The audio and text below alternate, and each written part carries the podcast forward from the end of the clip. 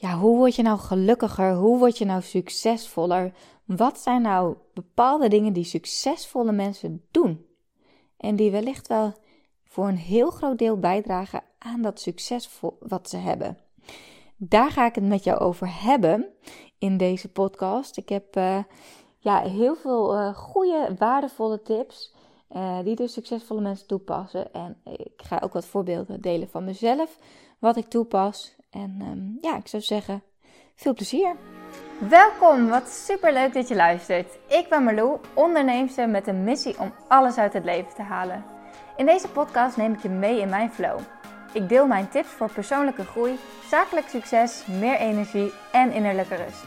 Ben jij klaar om te gaan leven en te ondernemen vanuit je hart, zodat je echt gaat shinen? Enjoy! Hey, wat leuk dat je luistert weer naar een nieuwe podcast. Vandaag uh, ga ik het hebben over ja, succes. wat succesvolle mensen doen. En uh, ja, wat jij daarvan kan leren en hoe jij dat misschien ook kunt integreren in je leven. Waardoor je niet alleen succesvoller wordt, maar ook gelukkiger. Uh, er is namelijk iets, en dat ja, het zijn dingen die ik zelf ook uh, veel toepas en waar ik het ook al wel vaker over heb in mijn podcast. Maar um, ik heb een heel leuk uh, boek in handen. En daar staan nog weer wat meer dingen daarover in. Dus toen dacht ik, ja, dit is niet voor niks in mijn handen terechtgekomen. Het is goed om ook weer eventjes vanuit andere invalshoeken en misschien wat onderzoekjes erbij uh, nog weer even dit uh, onderwerp aan te kaarten. Met leuke voorbeelden, zodat het uh, echt bij je kan landen en zodat je het hopelijk ook gaat integreren in je leven. De kracht van herhaling is enorm, dus het kan zijn dat je sommige dingen al vaker hebt gehoord in mijn podcast. Maar denk dan dus niet, ja, ja, dat weet ik al. Maar neem het in je op en doe er ook iets mee. Als jij succesvoller wilt worden, als jij gelukkiger wilt worden, Neem die verantwoordelijkheid en onderneem actie. Wat zijn nou dingen die succesvolle mensen doen, eh, waardoor zij dus onder andere succesvol zijn? Nou, om te beginnen, heel veel succesvolle mensen hebben een ochtendritueel. En dat is echt iets essentieels, want hoe zien jouw ochtenden eruit? Ben je direct, sta je direct aan? Ga je direct in actiemodus? Kijk je direct op je telefoon? Laat je je dag bepalen door prikkels van buitenaf en door, uh, door dingen die andere mensen van jou verwachten? Misschien begin je wel zelfs met je mailbox. Heel erg jammer van je energie. Want als jij je dag op een rustige manier kan beginnen vanuit jezelf, kun, jij, kun je dit echt, deze energie, de hele dag zul je merken dat je de hele dag, dat de hele dag eigenlijk anders kan verlopen. En bedenk dus bij het opstaan ook wat een eer het is om te mogen leven. Om gewoon even als je je ogen open te doen, doe niet direct uit bed te stappen en hup, hup, hup, hup, hup. Maar gewoon eens eventjes te genieten van het moment dat je weer wakker wordt. Dat je mag ademen, dat je mag denken, dat je mag genieten, dat je lief mag hebben. En nou ja, zoals ik al zei, hoe je dag verloopt, dat wordt vaak bepaald door hoe jij je ochtend begint. En het is dus heel goed dat je een ochtendritueel voor jezelf kunt vinden, waarbij je zorgt dat er dopamine vrijkomt. En dat je echt helemaal wakker wordt. Dus een soort gelukstofje die je aan kan maken. En zo kun je eigenlijk ja, de eerste momenten van je dag gebruiken om je batterij op te laden en het positieve energie aan een productieve dag te beginnen. Probeer maar eens een succesvol mens te vinden zonder een vast ochtendritueel. Dat is echt best wel moeilijk. Heel veel succesvolle mensen hebben een ochtendritueel. Voor de ene is die heel lang, voor de ander is die misschien wat korter. Dat maakt niet uit. Maar ja, een voorbeeldje: Barack Obama, voormalig president van de Verenigde Staten, hij begint zijn ochtendritueel twee uur voor zijn eerste officiële afspraak van die dag. En in die twee uur laat hij zich uh, dus niet beïnvloeden door media of nieuws. Hij doet zes dagen per week 45 minuten cardio en krachttraining. Na het, na en na het sporten ontbijt hij met zijn gezin. En hij zegt over zijn ochtenden: Als ik mij aan mijn ochtendritueel houd, is de rest van mijn dag veel productiever. Ander voorbeeld uh, van Ariana Huffington, hoofdredacteur van, van de online krant HuffPost. Uh, zij begint haar dag met ademhalingsoefeningen en een half uur mediteren. En ze schrijft drie dingen op waar ze dankbaar voor is. En daarna drinkt ze koffie en bepaalt ze haar doelen voor de dag. Zij is zo overtuigd van de positieve effecten van meditatie dat ze haar personeel ook gratis wekelijkse meditatiecursussen aanbiedt. En nou ja, tijdens haar ochtendritueel probeert ze ook zo lang mogelijk niet op haar telefoon te kijken. Oprichter, uh, medeoprichter en bedenker van onder andere Twitter en Square, Jack Dorsey, uh, werkt als CEO van 2 miljarden bedrijven, 16 uur per dag, 8 uur voor Square en 8 uur voor Twitter. Maar toch weet hij een ochtendritueel uh, in zijn leven te integreren. Dus ik heb daar geen tijd voor, dat past niet in mijn schema. Die vlieger gaat niet op. Hij staat elke ochtend om half zes op, gaat een half uur mediteren en vervolgens doet hij nog een duurloop van 10 kilometer. En, uh, oh nee, of hij gaat nog eens een half uur sporten. Dus uh, ja, tijd is geen excuus. Laten we daarop houden. En zoals je ziet, kan een ochtendritueel voor iedereen er heel anders uitzien. Ik heb een keer een video en een podcast volgens mij ook opgenomen over mijn eigen ochtendritueel. Maar um, kort gezegd bestaat die gemiddeld uit geen telefoon, voor tien uur s ochtends geen telefoon, e-mail of tv, dus geen beeldschermen. Ik begin mijn dag met rustig ontbijten. Um, vaak schrijf, schrijf ik in de ochtend, dus doe ik een journaling. De ene keer schrijf ik in mijn dagboek, de andere keer schrijf ik in mijn dankboek. Soms trek ik nog even een kaartje voor de dag. Um, met een soort van boodschap voor mezelf. Probeer een intentie te zetten voor de dag. Hoe wil ik mij voelen? En ik wandel. Dus ik ga de natuur in. Ik zorg dat ik naar buiten ga. En um, regelmatig doe ik ook een meditatie. Echt eventjes rustig mijn dag te starten. En ik merk zo'n verschil wanneer ik dit niet doe. Ik moet heel eerlijk zeggen, er zijn nu dagen uh, dat ik niet alleen ochtends zwakker word. Dat je ook uh, weer veel meer thuis werkt vanwege corona. En um, ja, dat beïnvloedt toch wel mijn ochtendritueel. Dan ben je veel meer geneigd, ben ik veel meer geneigd om direct aan te gaan. Omdat hij ook dan direct achter de computer, of nou niet direct, bijten wel samen, maar daarna gaat hij achter de computer en op de een of andere manier ben ik dan ook sneller geneigd om sneller achter mijn computer te gaan. En dus nu is het voor mij echt een uitdaging om mijn eigen ochtendritueel vast te houden. Ook al is de situatie veranderd. En um, ja, het is dus heel goed om die ochtend echt even voor jezelf te nemen. Je, je kent natuurlijk ook de uitspraak zoals wat ze in het uh, vliegtuig zeggen. Maak in geval van nood eerst uw eigen zuurstofmasker vast voordat je anderen helpt. Nou ja, als jij niet goed, goed kunt ademen, kun je ook geen andere mensen helpen. En dat geldt ook voor je dagelijkse leven. Dus zodra jij ochtends de deur achter je dicht trekt, gaat de meeste energie op aan taken die ten dienste staan van anderen. En overdag zet je je eigen behoeften veel vaker opzij dan je denkt. Het is dus heel erg verstandig om voor die tijd aan je eigen behoeften te denken. Dus zo laat je je eigen accu al aan het begin van de dag op en is hij niet halverwege de ochtend leeg. En dat is niet egoïstisch. Want zodra je kunt ademen, kun je anderen helpen. Dus zet jezelf bovenaan je prioriteitenlijstje en zorg ervoor dat die paar minuten een vast onderdeel worden van je ochtendprogramma.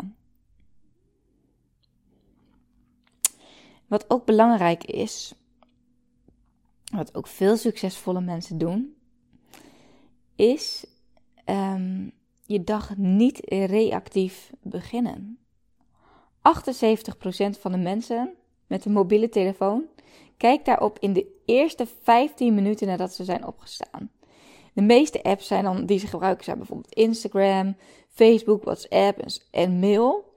Dus uh, probeer dit soort activiteiten, die dus echt reactief zijn, te vermijden. Als je aan het begin van je dag je gedachten niet wilt laten verstoren door het leven van andere mensen. Richt je eerst op jezelf. Als je dat doet, dan kun je je de rest van de dag veel beter op de rest concentreren. Dus hoe druk ze het ook hebben, de meest geslaagde mensen beginnen hun dag niet met reactieve activiteiten. Ze checken geen e-mail, ze kijken niet meteen op hun telefoon en ze beantwoorden geen berichten. Zij beginnen hun dag proactief. En jij kan dat ook doen. Hoe kun je dat doen? Nou ja, door bijvoorbeeld inderdaad een routine voor jezelf te maken waarbij jij een ochtendritueel creëert. En daarbij werkt het bijvoorbeeld heel erg goed om dankbaarheid te integreren. En dat is ook iets waar ik straks nog wat uitgebreider op inga. Maar wat ik nog even kwijt wil, is jij bepaalt je dag. Of je dag bepaalt jou. Dus typische uitspraken van een reactief mens zijn: ik moet of ik heb daar geen tijd voor. Of ik kan het niet. Of waarom heb ik het altijd zo moeilijk? Terwijl een proactief persoon, die zou zeggen: ik wil, ik maak daar tijd voor. Ik zoek even uit hoe dat moet. Wat kan ik doen om gelukkiger te worden? Dus de dag proactief beginnen wil zeggen dat je de dag creatief, formatief en zelfbewust begint. Ja, en dan heel belangrijk, dankbaarheid. Het kwam net ook al eventjes naar voren. Maar ehm, dankbaarheid is iets heel erg belangrijks. Iemand die dankbaar is, die geniet namelijk meer van positieve gevoelens en heeft over het algemeen minder last van negatieve gevoelens zoals woede, schuld, rouw of jaloezie. Een dankbaar persoon heeft meer eigenwaarde en kan beter omgaan met stress en de problemen van het dagelijkse leven. Dus het zorgt er ook voor dat je beter slaapt en langer leeft. Wie dankbaar is, kan beter samenwerken en heeft dus waarschijnlijk betere relaties met anderen. En sowieso heeft een dankbaar persoon minder moeite met persoonlijke relaties aan te gaan en ze in stand te houden. Um, wat heel erg goed werkt, overigens, als we het hebben over dankbaarheid, is dat dus dagelijks of in elk geval een paar keer per week opschrijven. En ja, voor je geluksgevoel gaat het er dus ook vooral om dat je die vorm van dankbaarheid ook echt voelt. Dus maak er een gewoonte van. En als je eenmaal dit onder de knie hebt en dankbaarheid een levenshouding is geworden, komt die positieve cyclus van dankbaarheid op gang en zullen de voorbeelden of de voordelen echt merkbaar worden in je leven. Dus mijn tip: hou een dankbaar, dankbaarheidsboek uit, bij een dankboek. Of in ieder geval schrijf dagelijks je dankbaarheid op. Of bedenk dagelijks voor het slapen waar je dankbaar voor bent. En dat kunnen hele grote dingen zijn, maar dat kunnen ook hele kleine dingen voor zijn. En het werkt, nou ja, ik zei net, je kan het ook bedenken als je geen pen en papier bij je hebt, bijvoorbeeld in bed. Werkt ook heel goed om je begin, dag ermee te beginnen. En ook op een positieve manier te eindigen. En uh, wat je dan bijvoorbeeld uh, zou kunnen doen, is in de ochtend bedenken waar je dankbaar voor bent. En ook waarom. Dus dat ook opschrijven. Je zou bijvoorbeeld um, je dag ook kunnen beginnen met een, daarnaast nog een positieve affirmatie voor jezelf. En dan aan het einde van de dag kun je reflecteren door bijvoorbeeld even op te schrijven van, nou, wat is nou een goede daad die ik vandaag heb gedaan? Um, je kan jezelf vragen, wat kan ik aan mezelf verbeteren? En bijvoorbeeld even een aantal dingen, zoals drie dingen op te schrijven van leuke dingen die je hebt meegemaakt. En waarom ja, pen en papier gebruiken, dat is echt veel krachtiger. Tegenwoordig schrijven we heel veel of schrijven we niet meer veel. Maar we noteren heel veel in onze telefoon of we typen het uit. Maar een ouderwetse pen is echt zoveel machtiger dan toetsenbord. Want ja, psychologen hebben het ook al meerdere malen aangetoond. We veranderen fundamenteel wanneer we dingen opschrijven. Dus dingen die we opschrijven kunnen we beter begrijpen en ze blijven ook langer hangen in ons geheugen dan wanneer we ze typen. Er zijn zelfs aanwijzingen dat wonden sneller genezen wanneer je een dagboek bijhoudt. Dus ja, schrijven is gewoon een bepaalde energie en je, ja, het helpt ook echt om je onbewuste brein zeg maar nog beter te programmeren. Wat dus zo fijn is wanneer je het echt opschrijft in bijvoorbeeld dus een soort dagboek, dan kun je daar later weer naar terugkijken. Zo boeiend. Ik, ik hou echt al sinds dat ik een heel klein meisje ben dagboeken bij. Het is zo interessant om te zien hoe je verandert en om te zien hoe je denkt. En mensen, ik, ik had laatst een heel leuk gesprek met iemand en die zei: Ben je nou ook veranderd? En dat ging ook over nou ja, wat er gebeurd was na het verlies van Isalou en hoe ik afgelopen jaren eigenlijk zo bezig ben met persoonlijke ontwikkeling en mindset. En ja, Jurre zei ook, ja, je bent wel echt veranderd. En als ik mijn dagboeken ook teruglees, denk ik, ja, ja ik ben inderdaad wel heel erg veranderd. Um, en dan gaat het vooral over de manier waarop ik in het leven sta, de manier waarop ik, ja, hoe ik denk. En sommige dingen zijn zo normaal geworden. En dat merk ik ook als ik. Ik werk natuurlijk heel veel ook met ondernemers samen. Ik doe heel veel aan business coaching, maar ook een stukje mindset coaching. En uh, dingen die voor mij bijvoorbeeld heel vanzelfsprekend zijn, zijn dat voor een ander niet. En dat was voor mij jaren geleden ook niet zo. Dat is, daar heb ik echt wel ja, voor moeten werken. En daarbij heeft een stukje dankbaarheid bijhouden ook zeker bijgedragen. En niet alleen dankbaarheid, ook zelfreflectie. Um, maar daar kom ik zo nog eventjes op terug. Want um, ik wil nog heel eventjes wat dieper ingaan op dankbaarheid. Dankbaar zijn maakt je aardiger en prettiger in de omgang. Dankbaarheid helpt je op unieke wijze bij het aangaan en onderhouden van je relaties en het stimuleert pro-sociaal gedrag in jezelf en je omgeving. En wat is nou pro-sociaal gedrag? Dat is eigenlijk al het gedrag, bewust of onbewust, dat gericht is op het welzijn van anderen. Dus denk dan bijvoorbeeld aan het helpen van mensen, samenwerken, delen, steunen, eh, prijzen, medeleven, empathie. En ja, wanneer je jezelf dus ook afvraagt wat je hebt gedaan voor een ander, denk je ook na over je prosociale gedrag. En daarom zei ik net ook het stukje over het begin van je dag met dankbaarheid en eindigen bijvoorbeeld met, ja, wat is een goede daad van mezelf? Dat helpt dus ook weer je prosociale gedrag te ontwikkelen.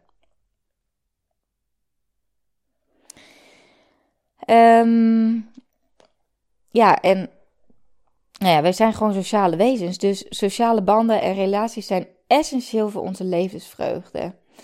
En um, nou, nog eventjes over het stukje dankbaarheid. Misschien nog leuk om eventjes wat uh, aan te halen van Tony Robbins. Kent hem misschien wel. maar um, nou ja, hij is een heel erg succesvolle persoonlijkheidscoach. Uh, echt een guru eigenlijk. Ook voor heel veel ondernemers. En um, hij had onder andere klanten ook als Bill Clinton, Serena Williams. En hij, ja, hij, hij, hij, spreekt voor uitverkochte zalen. En uh, elke dag neemt hij drie en een halve minuten tijd om drie dingen op te schrijven waarvoor hij dankbaar is. En daar staat hij dus even bij stil. En hij doet dit al jaren. En hij zegt ook: Dankbaar zijn heeft een reden. De twee emoties die de meeste ellende geven zijn angst en woede. En je kunt niet tegelijk dankbaar en bang zijn. Die dingen kunnen gewoon niet samen. En je kunt ook niet tegelijkertijd boos en dankbaar zijn. Dus voor Robbins is dankbaarheid uniek omdat het, een, het ja, negatieve emoties onschadelijk maakt. En daarom noemt hij dit onderdeel van zijn ochtendritueel ook wel de snelweg naar geluk. Super mooi. En bedenk ook, je draagt je dankbaarheid ook weer over op anderen. En zij dragen die op hun beurt ook weer over op jou. En nog zo iemand die uh, ook een dankbaarheidsdagboek bijhoudt, is Oprah Winfrey. Een van de invloedrijkste en populairste vrouwen ter wereld. En um, ja, je kent haar misschien van haar talkshow, de, de Oprah Winfrey Show. Maar uh, zij, ja, als je niet weet wat ze tegenwoordig doet, google haar zeker even. Ze is zo inspirerend. En um, sinds 1996 schrijft zij elke ochtend, nadat ze is opgestaan, vijf dingen op waardoor, waarvoor ze dankbaar is.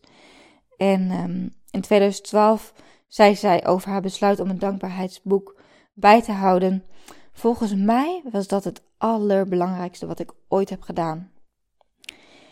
En ze zegt ook: wat er ook gebeurt in je leven, ik ben ervan overtuigd dat wanneer je je richt op wat je hebt, je uiteindelijk altijd meer zult hebben. Wanneer je je richt op wat je niet hebt, zul je never nooit genoeg hebben. Heel erg mooi. En um, ja, daar, uh, daar heb ik het natuurlijk ook wel vaak over. En ook in mijn uh, podcast over hoe werd ik weer gelukkig na het verlies van onze dochter. Kijk vooral naar wat je wel hebt in plaats van dat je je focust op wat je niet hebt. Heel erg belangrijk.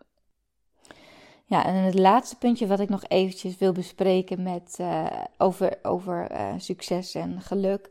En wat dus heel veel succesvolle mensen doen, is dus zelfreflectie. En ja, reflectie is eigenlijk een proces waarbij je je handelingen in het verleden, heden en toekomst met elkaar in verband brengt. Dus het gaat er uh, vooral om over hoe je denkt en niet wat je denkt. Dus met andere woorden, het gaat echt om je gedachteproces. Je analyseert eigenlijk ja, je acties aan de hand van eerdere ervaringen of doelen die je hebt gesteld. En ja, dit is ook wat ik dus doe in mijn dagboek, dat ik inderdaad ga bijhouden van oké, hoe gaat het met me? Wat, wat, uh, hoe, hoe, voel ik mij? Maar ook, ja, wat zijn de doelen die ik mezelf heb gesteld? Uh, hoe heb ik gehandeld? Wat had ik eventueel anders kunnen doen? Waar word ik gelukkig van? Heb ik dingen gedaan waar, ja, die, die ik eigenlijk, ja, die niet in lijn zijn met mezelf. Dus die eigenlijk in strijd zijn met hoe ik wil leven. En zelfreflectie is een soort lift naar je onderbewustzijn, waar je het controlecentrum wat beter kan bestuderen. En het is dus ook heel erg waardevol om weer terug te bladeren. En je kunt echt tot hele mooie inzichten komen en ook patronen van jezelf bestuderen. Zo in de tijd dat ik nog freelancede uh, naast mijn ondernemerschap, heb ik ook heel veel dingen opgeschreven. En op een gegeven moment ging ik dat terugbladeren. En toen dacht ik ook van, ja, dit is toch wel heel duidelijk. Dit is niet meer hoe, ja, dit, dit dient mij niet meer. Dit past niet meer bij mij. En zo kun je ook veel makkelijker besluiten nemen. En je kunt dus echt, ja, ook echt mooi die patronen bestuderen. En die patronen die eigenlijk jouw manier van doen en laten aansturen. En ook je gevoelens en je manier van denken. En door dat proces leer je nieuwe dingen over jezelf en maak je de ideaal hulpmiddel dat je kunt gebruiken bij dus bijvoorbeeld gedragsveranderingen. En ja, als je het hebt over de wetenschap, zegt de wetenschap hier dan over. Uh, mensen die in staat zijn tot zelfreflectie, um, hebben eigenlijk in alle gebieden van het leven meer voordeel. Ze kunnen beter plannen, ze kunnen beter met hun emoties omgaan, ze zijn uh, meer gedisciplineerd en gefocust, ze nemen meer weloverwogen besluiten en zijn beter in het voorspellen van mogelijke problemen. Dus um, ja, dat is nog uh, echt wel een mooie voorwaarde voor persoonlijke ontwikkeling. Dus hoe kun je jezelf verbeteren en je geluk eigenlijk verhogen als je jezelf niet eens begrijpt? Hoe beter jij jezelf kent en hoe opener jij ook uh, de dialoog met jezelf kan aangaan, hoe gladder de weg die voor je ligt zal zijn. Als jij gelukkig wilt zijn, moet je voortdurend veranderen. Dus zorg ervoor dat je niet vast komt te zitten in je eigen wereldbeeld en denkpatronen. En het is dus heel erg fijn om je daden en je gedachten ook van bovenaf te bekijken. Zo kun je dus echt een open dialoog met jezelf aangaan. En um, je emoties vormen vaak een soort dwangbuis, waardoor je onbewust weerstand biedt aan veranderingen en je in een soort bepaalde richting wordt geduwd. En bewuste zelfreflectie kan hierbij een uitgangspunt vormen voor verandering. Dus met behulp van zelfreflectie bestudeer je eigenlijk je emoties zonder dat je erdoor wordt opgeslokt. Dus oké, wat voel ik en waarom, waarom voel ik dit? Wat doet dit met mij? En het is gewoon echt het onderzoeken van dat soort gevoelens, waardoor jij uh, je ze identificeert zonder dat jij jezelf ermee vereenzelvigt. Heel moeilijk woord, vereenzelvigt.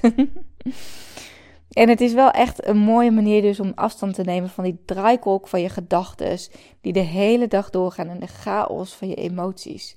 En zo koppel jij dus je gedrag los van de spontaniteit en willekeur van deze emoties. En hoe vaker je dit toepast, hoe gemakkelijker het je zou afgaan. Dus, um, ja, tot zover even een aantal dingen die succesvolle mensen doen. Dus, enerzijds een stukje dankbaarheid, heel erg belangrijk. Um, een stukje zelfreflectie en een mooi ochtendritueel. Waarbij je dus niet reactief leeft, maar eerst aan jezelf denkt. Nou, ik hoop dat je hier uh, wat uit hebt kunnen halen. Een goede tip is dus om een dankboek bij te gaan houden. Um, ik heb zelf het dankboek van de correspondent. Daarin uh, ja, kun je dus schrijven, maar er staat ook een stukje theorie in.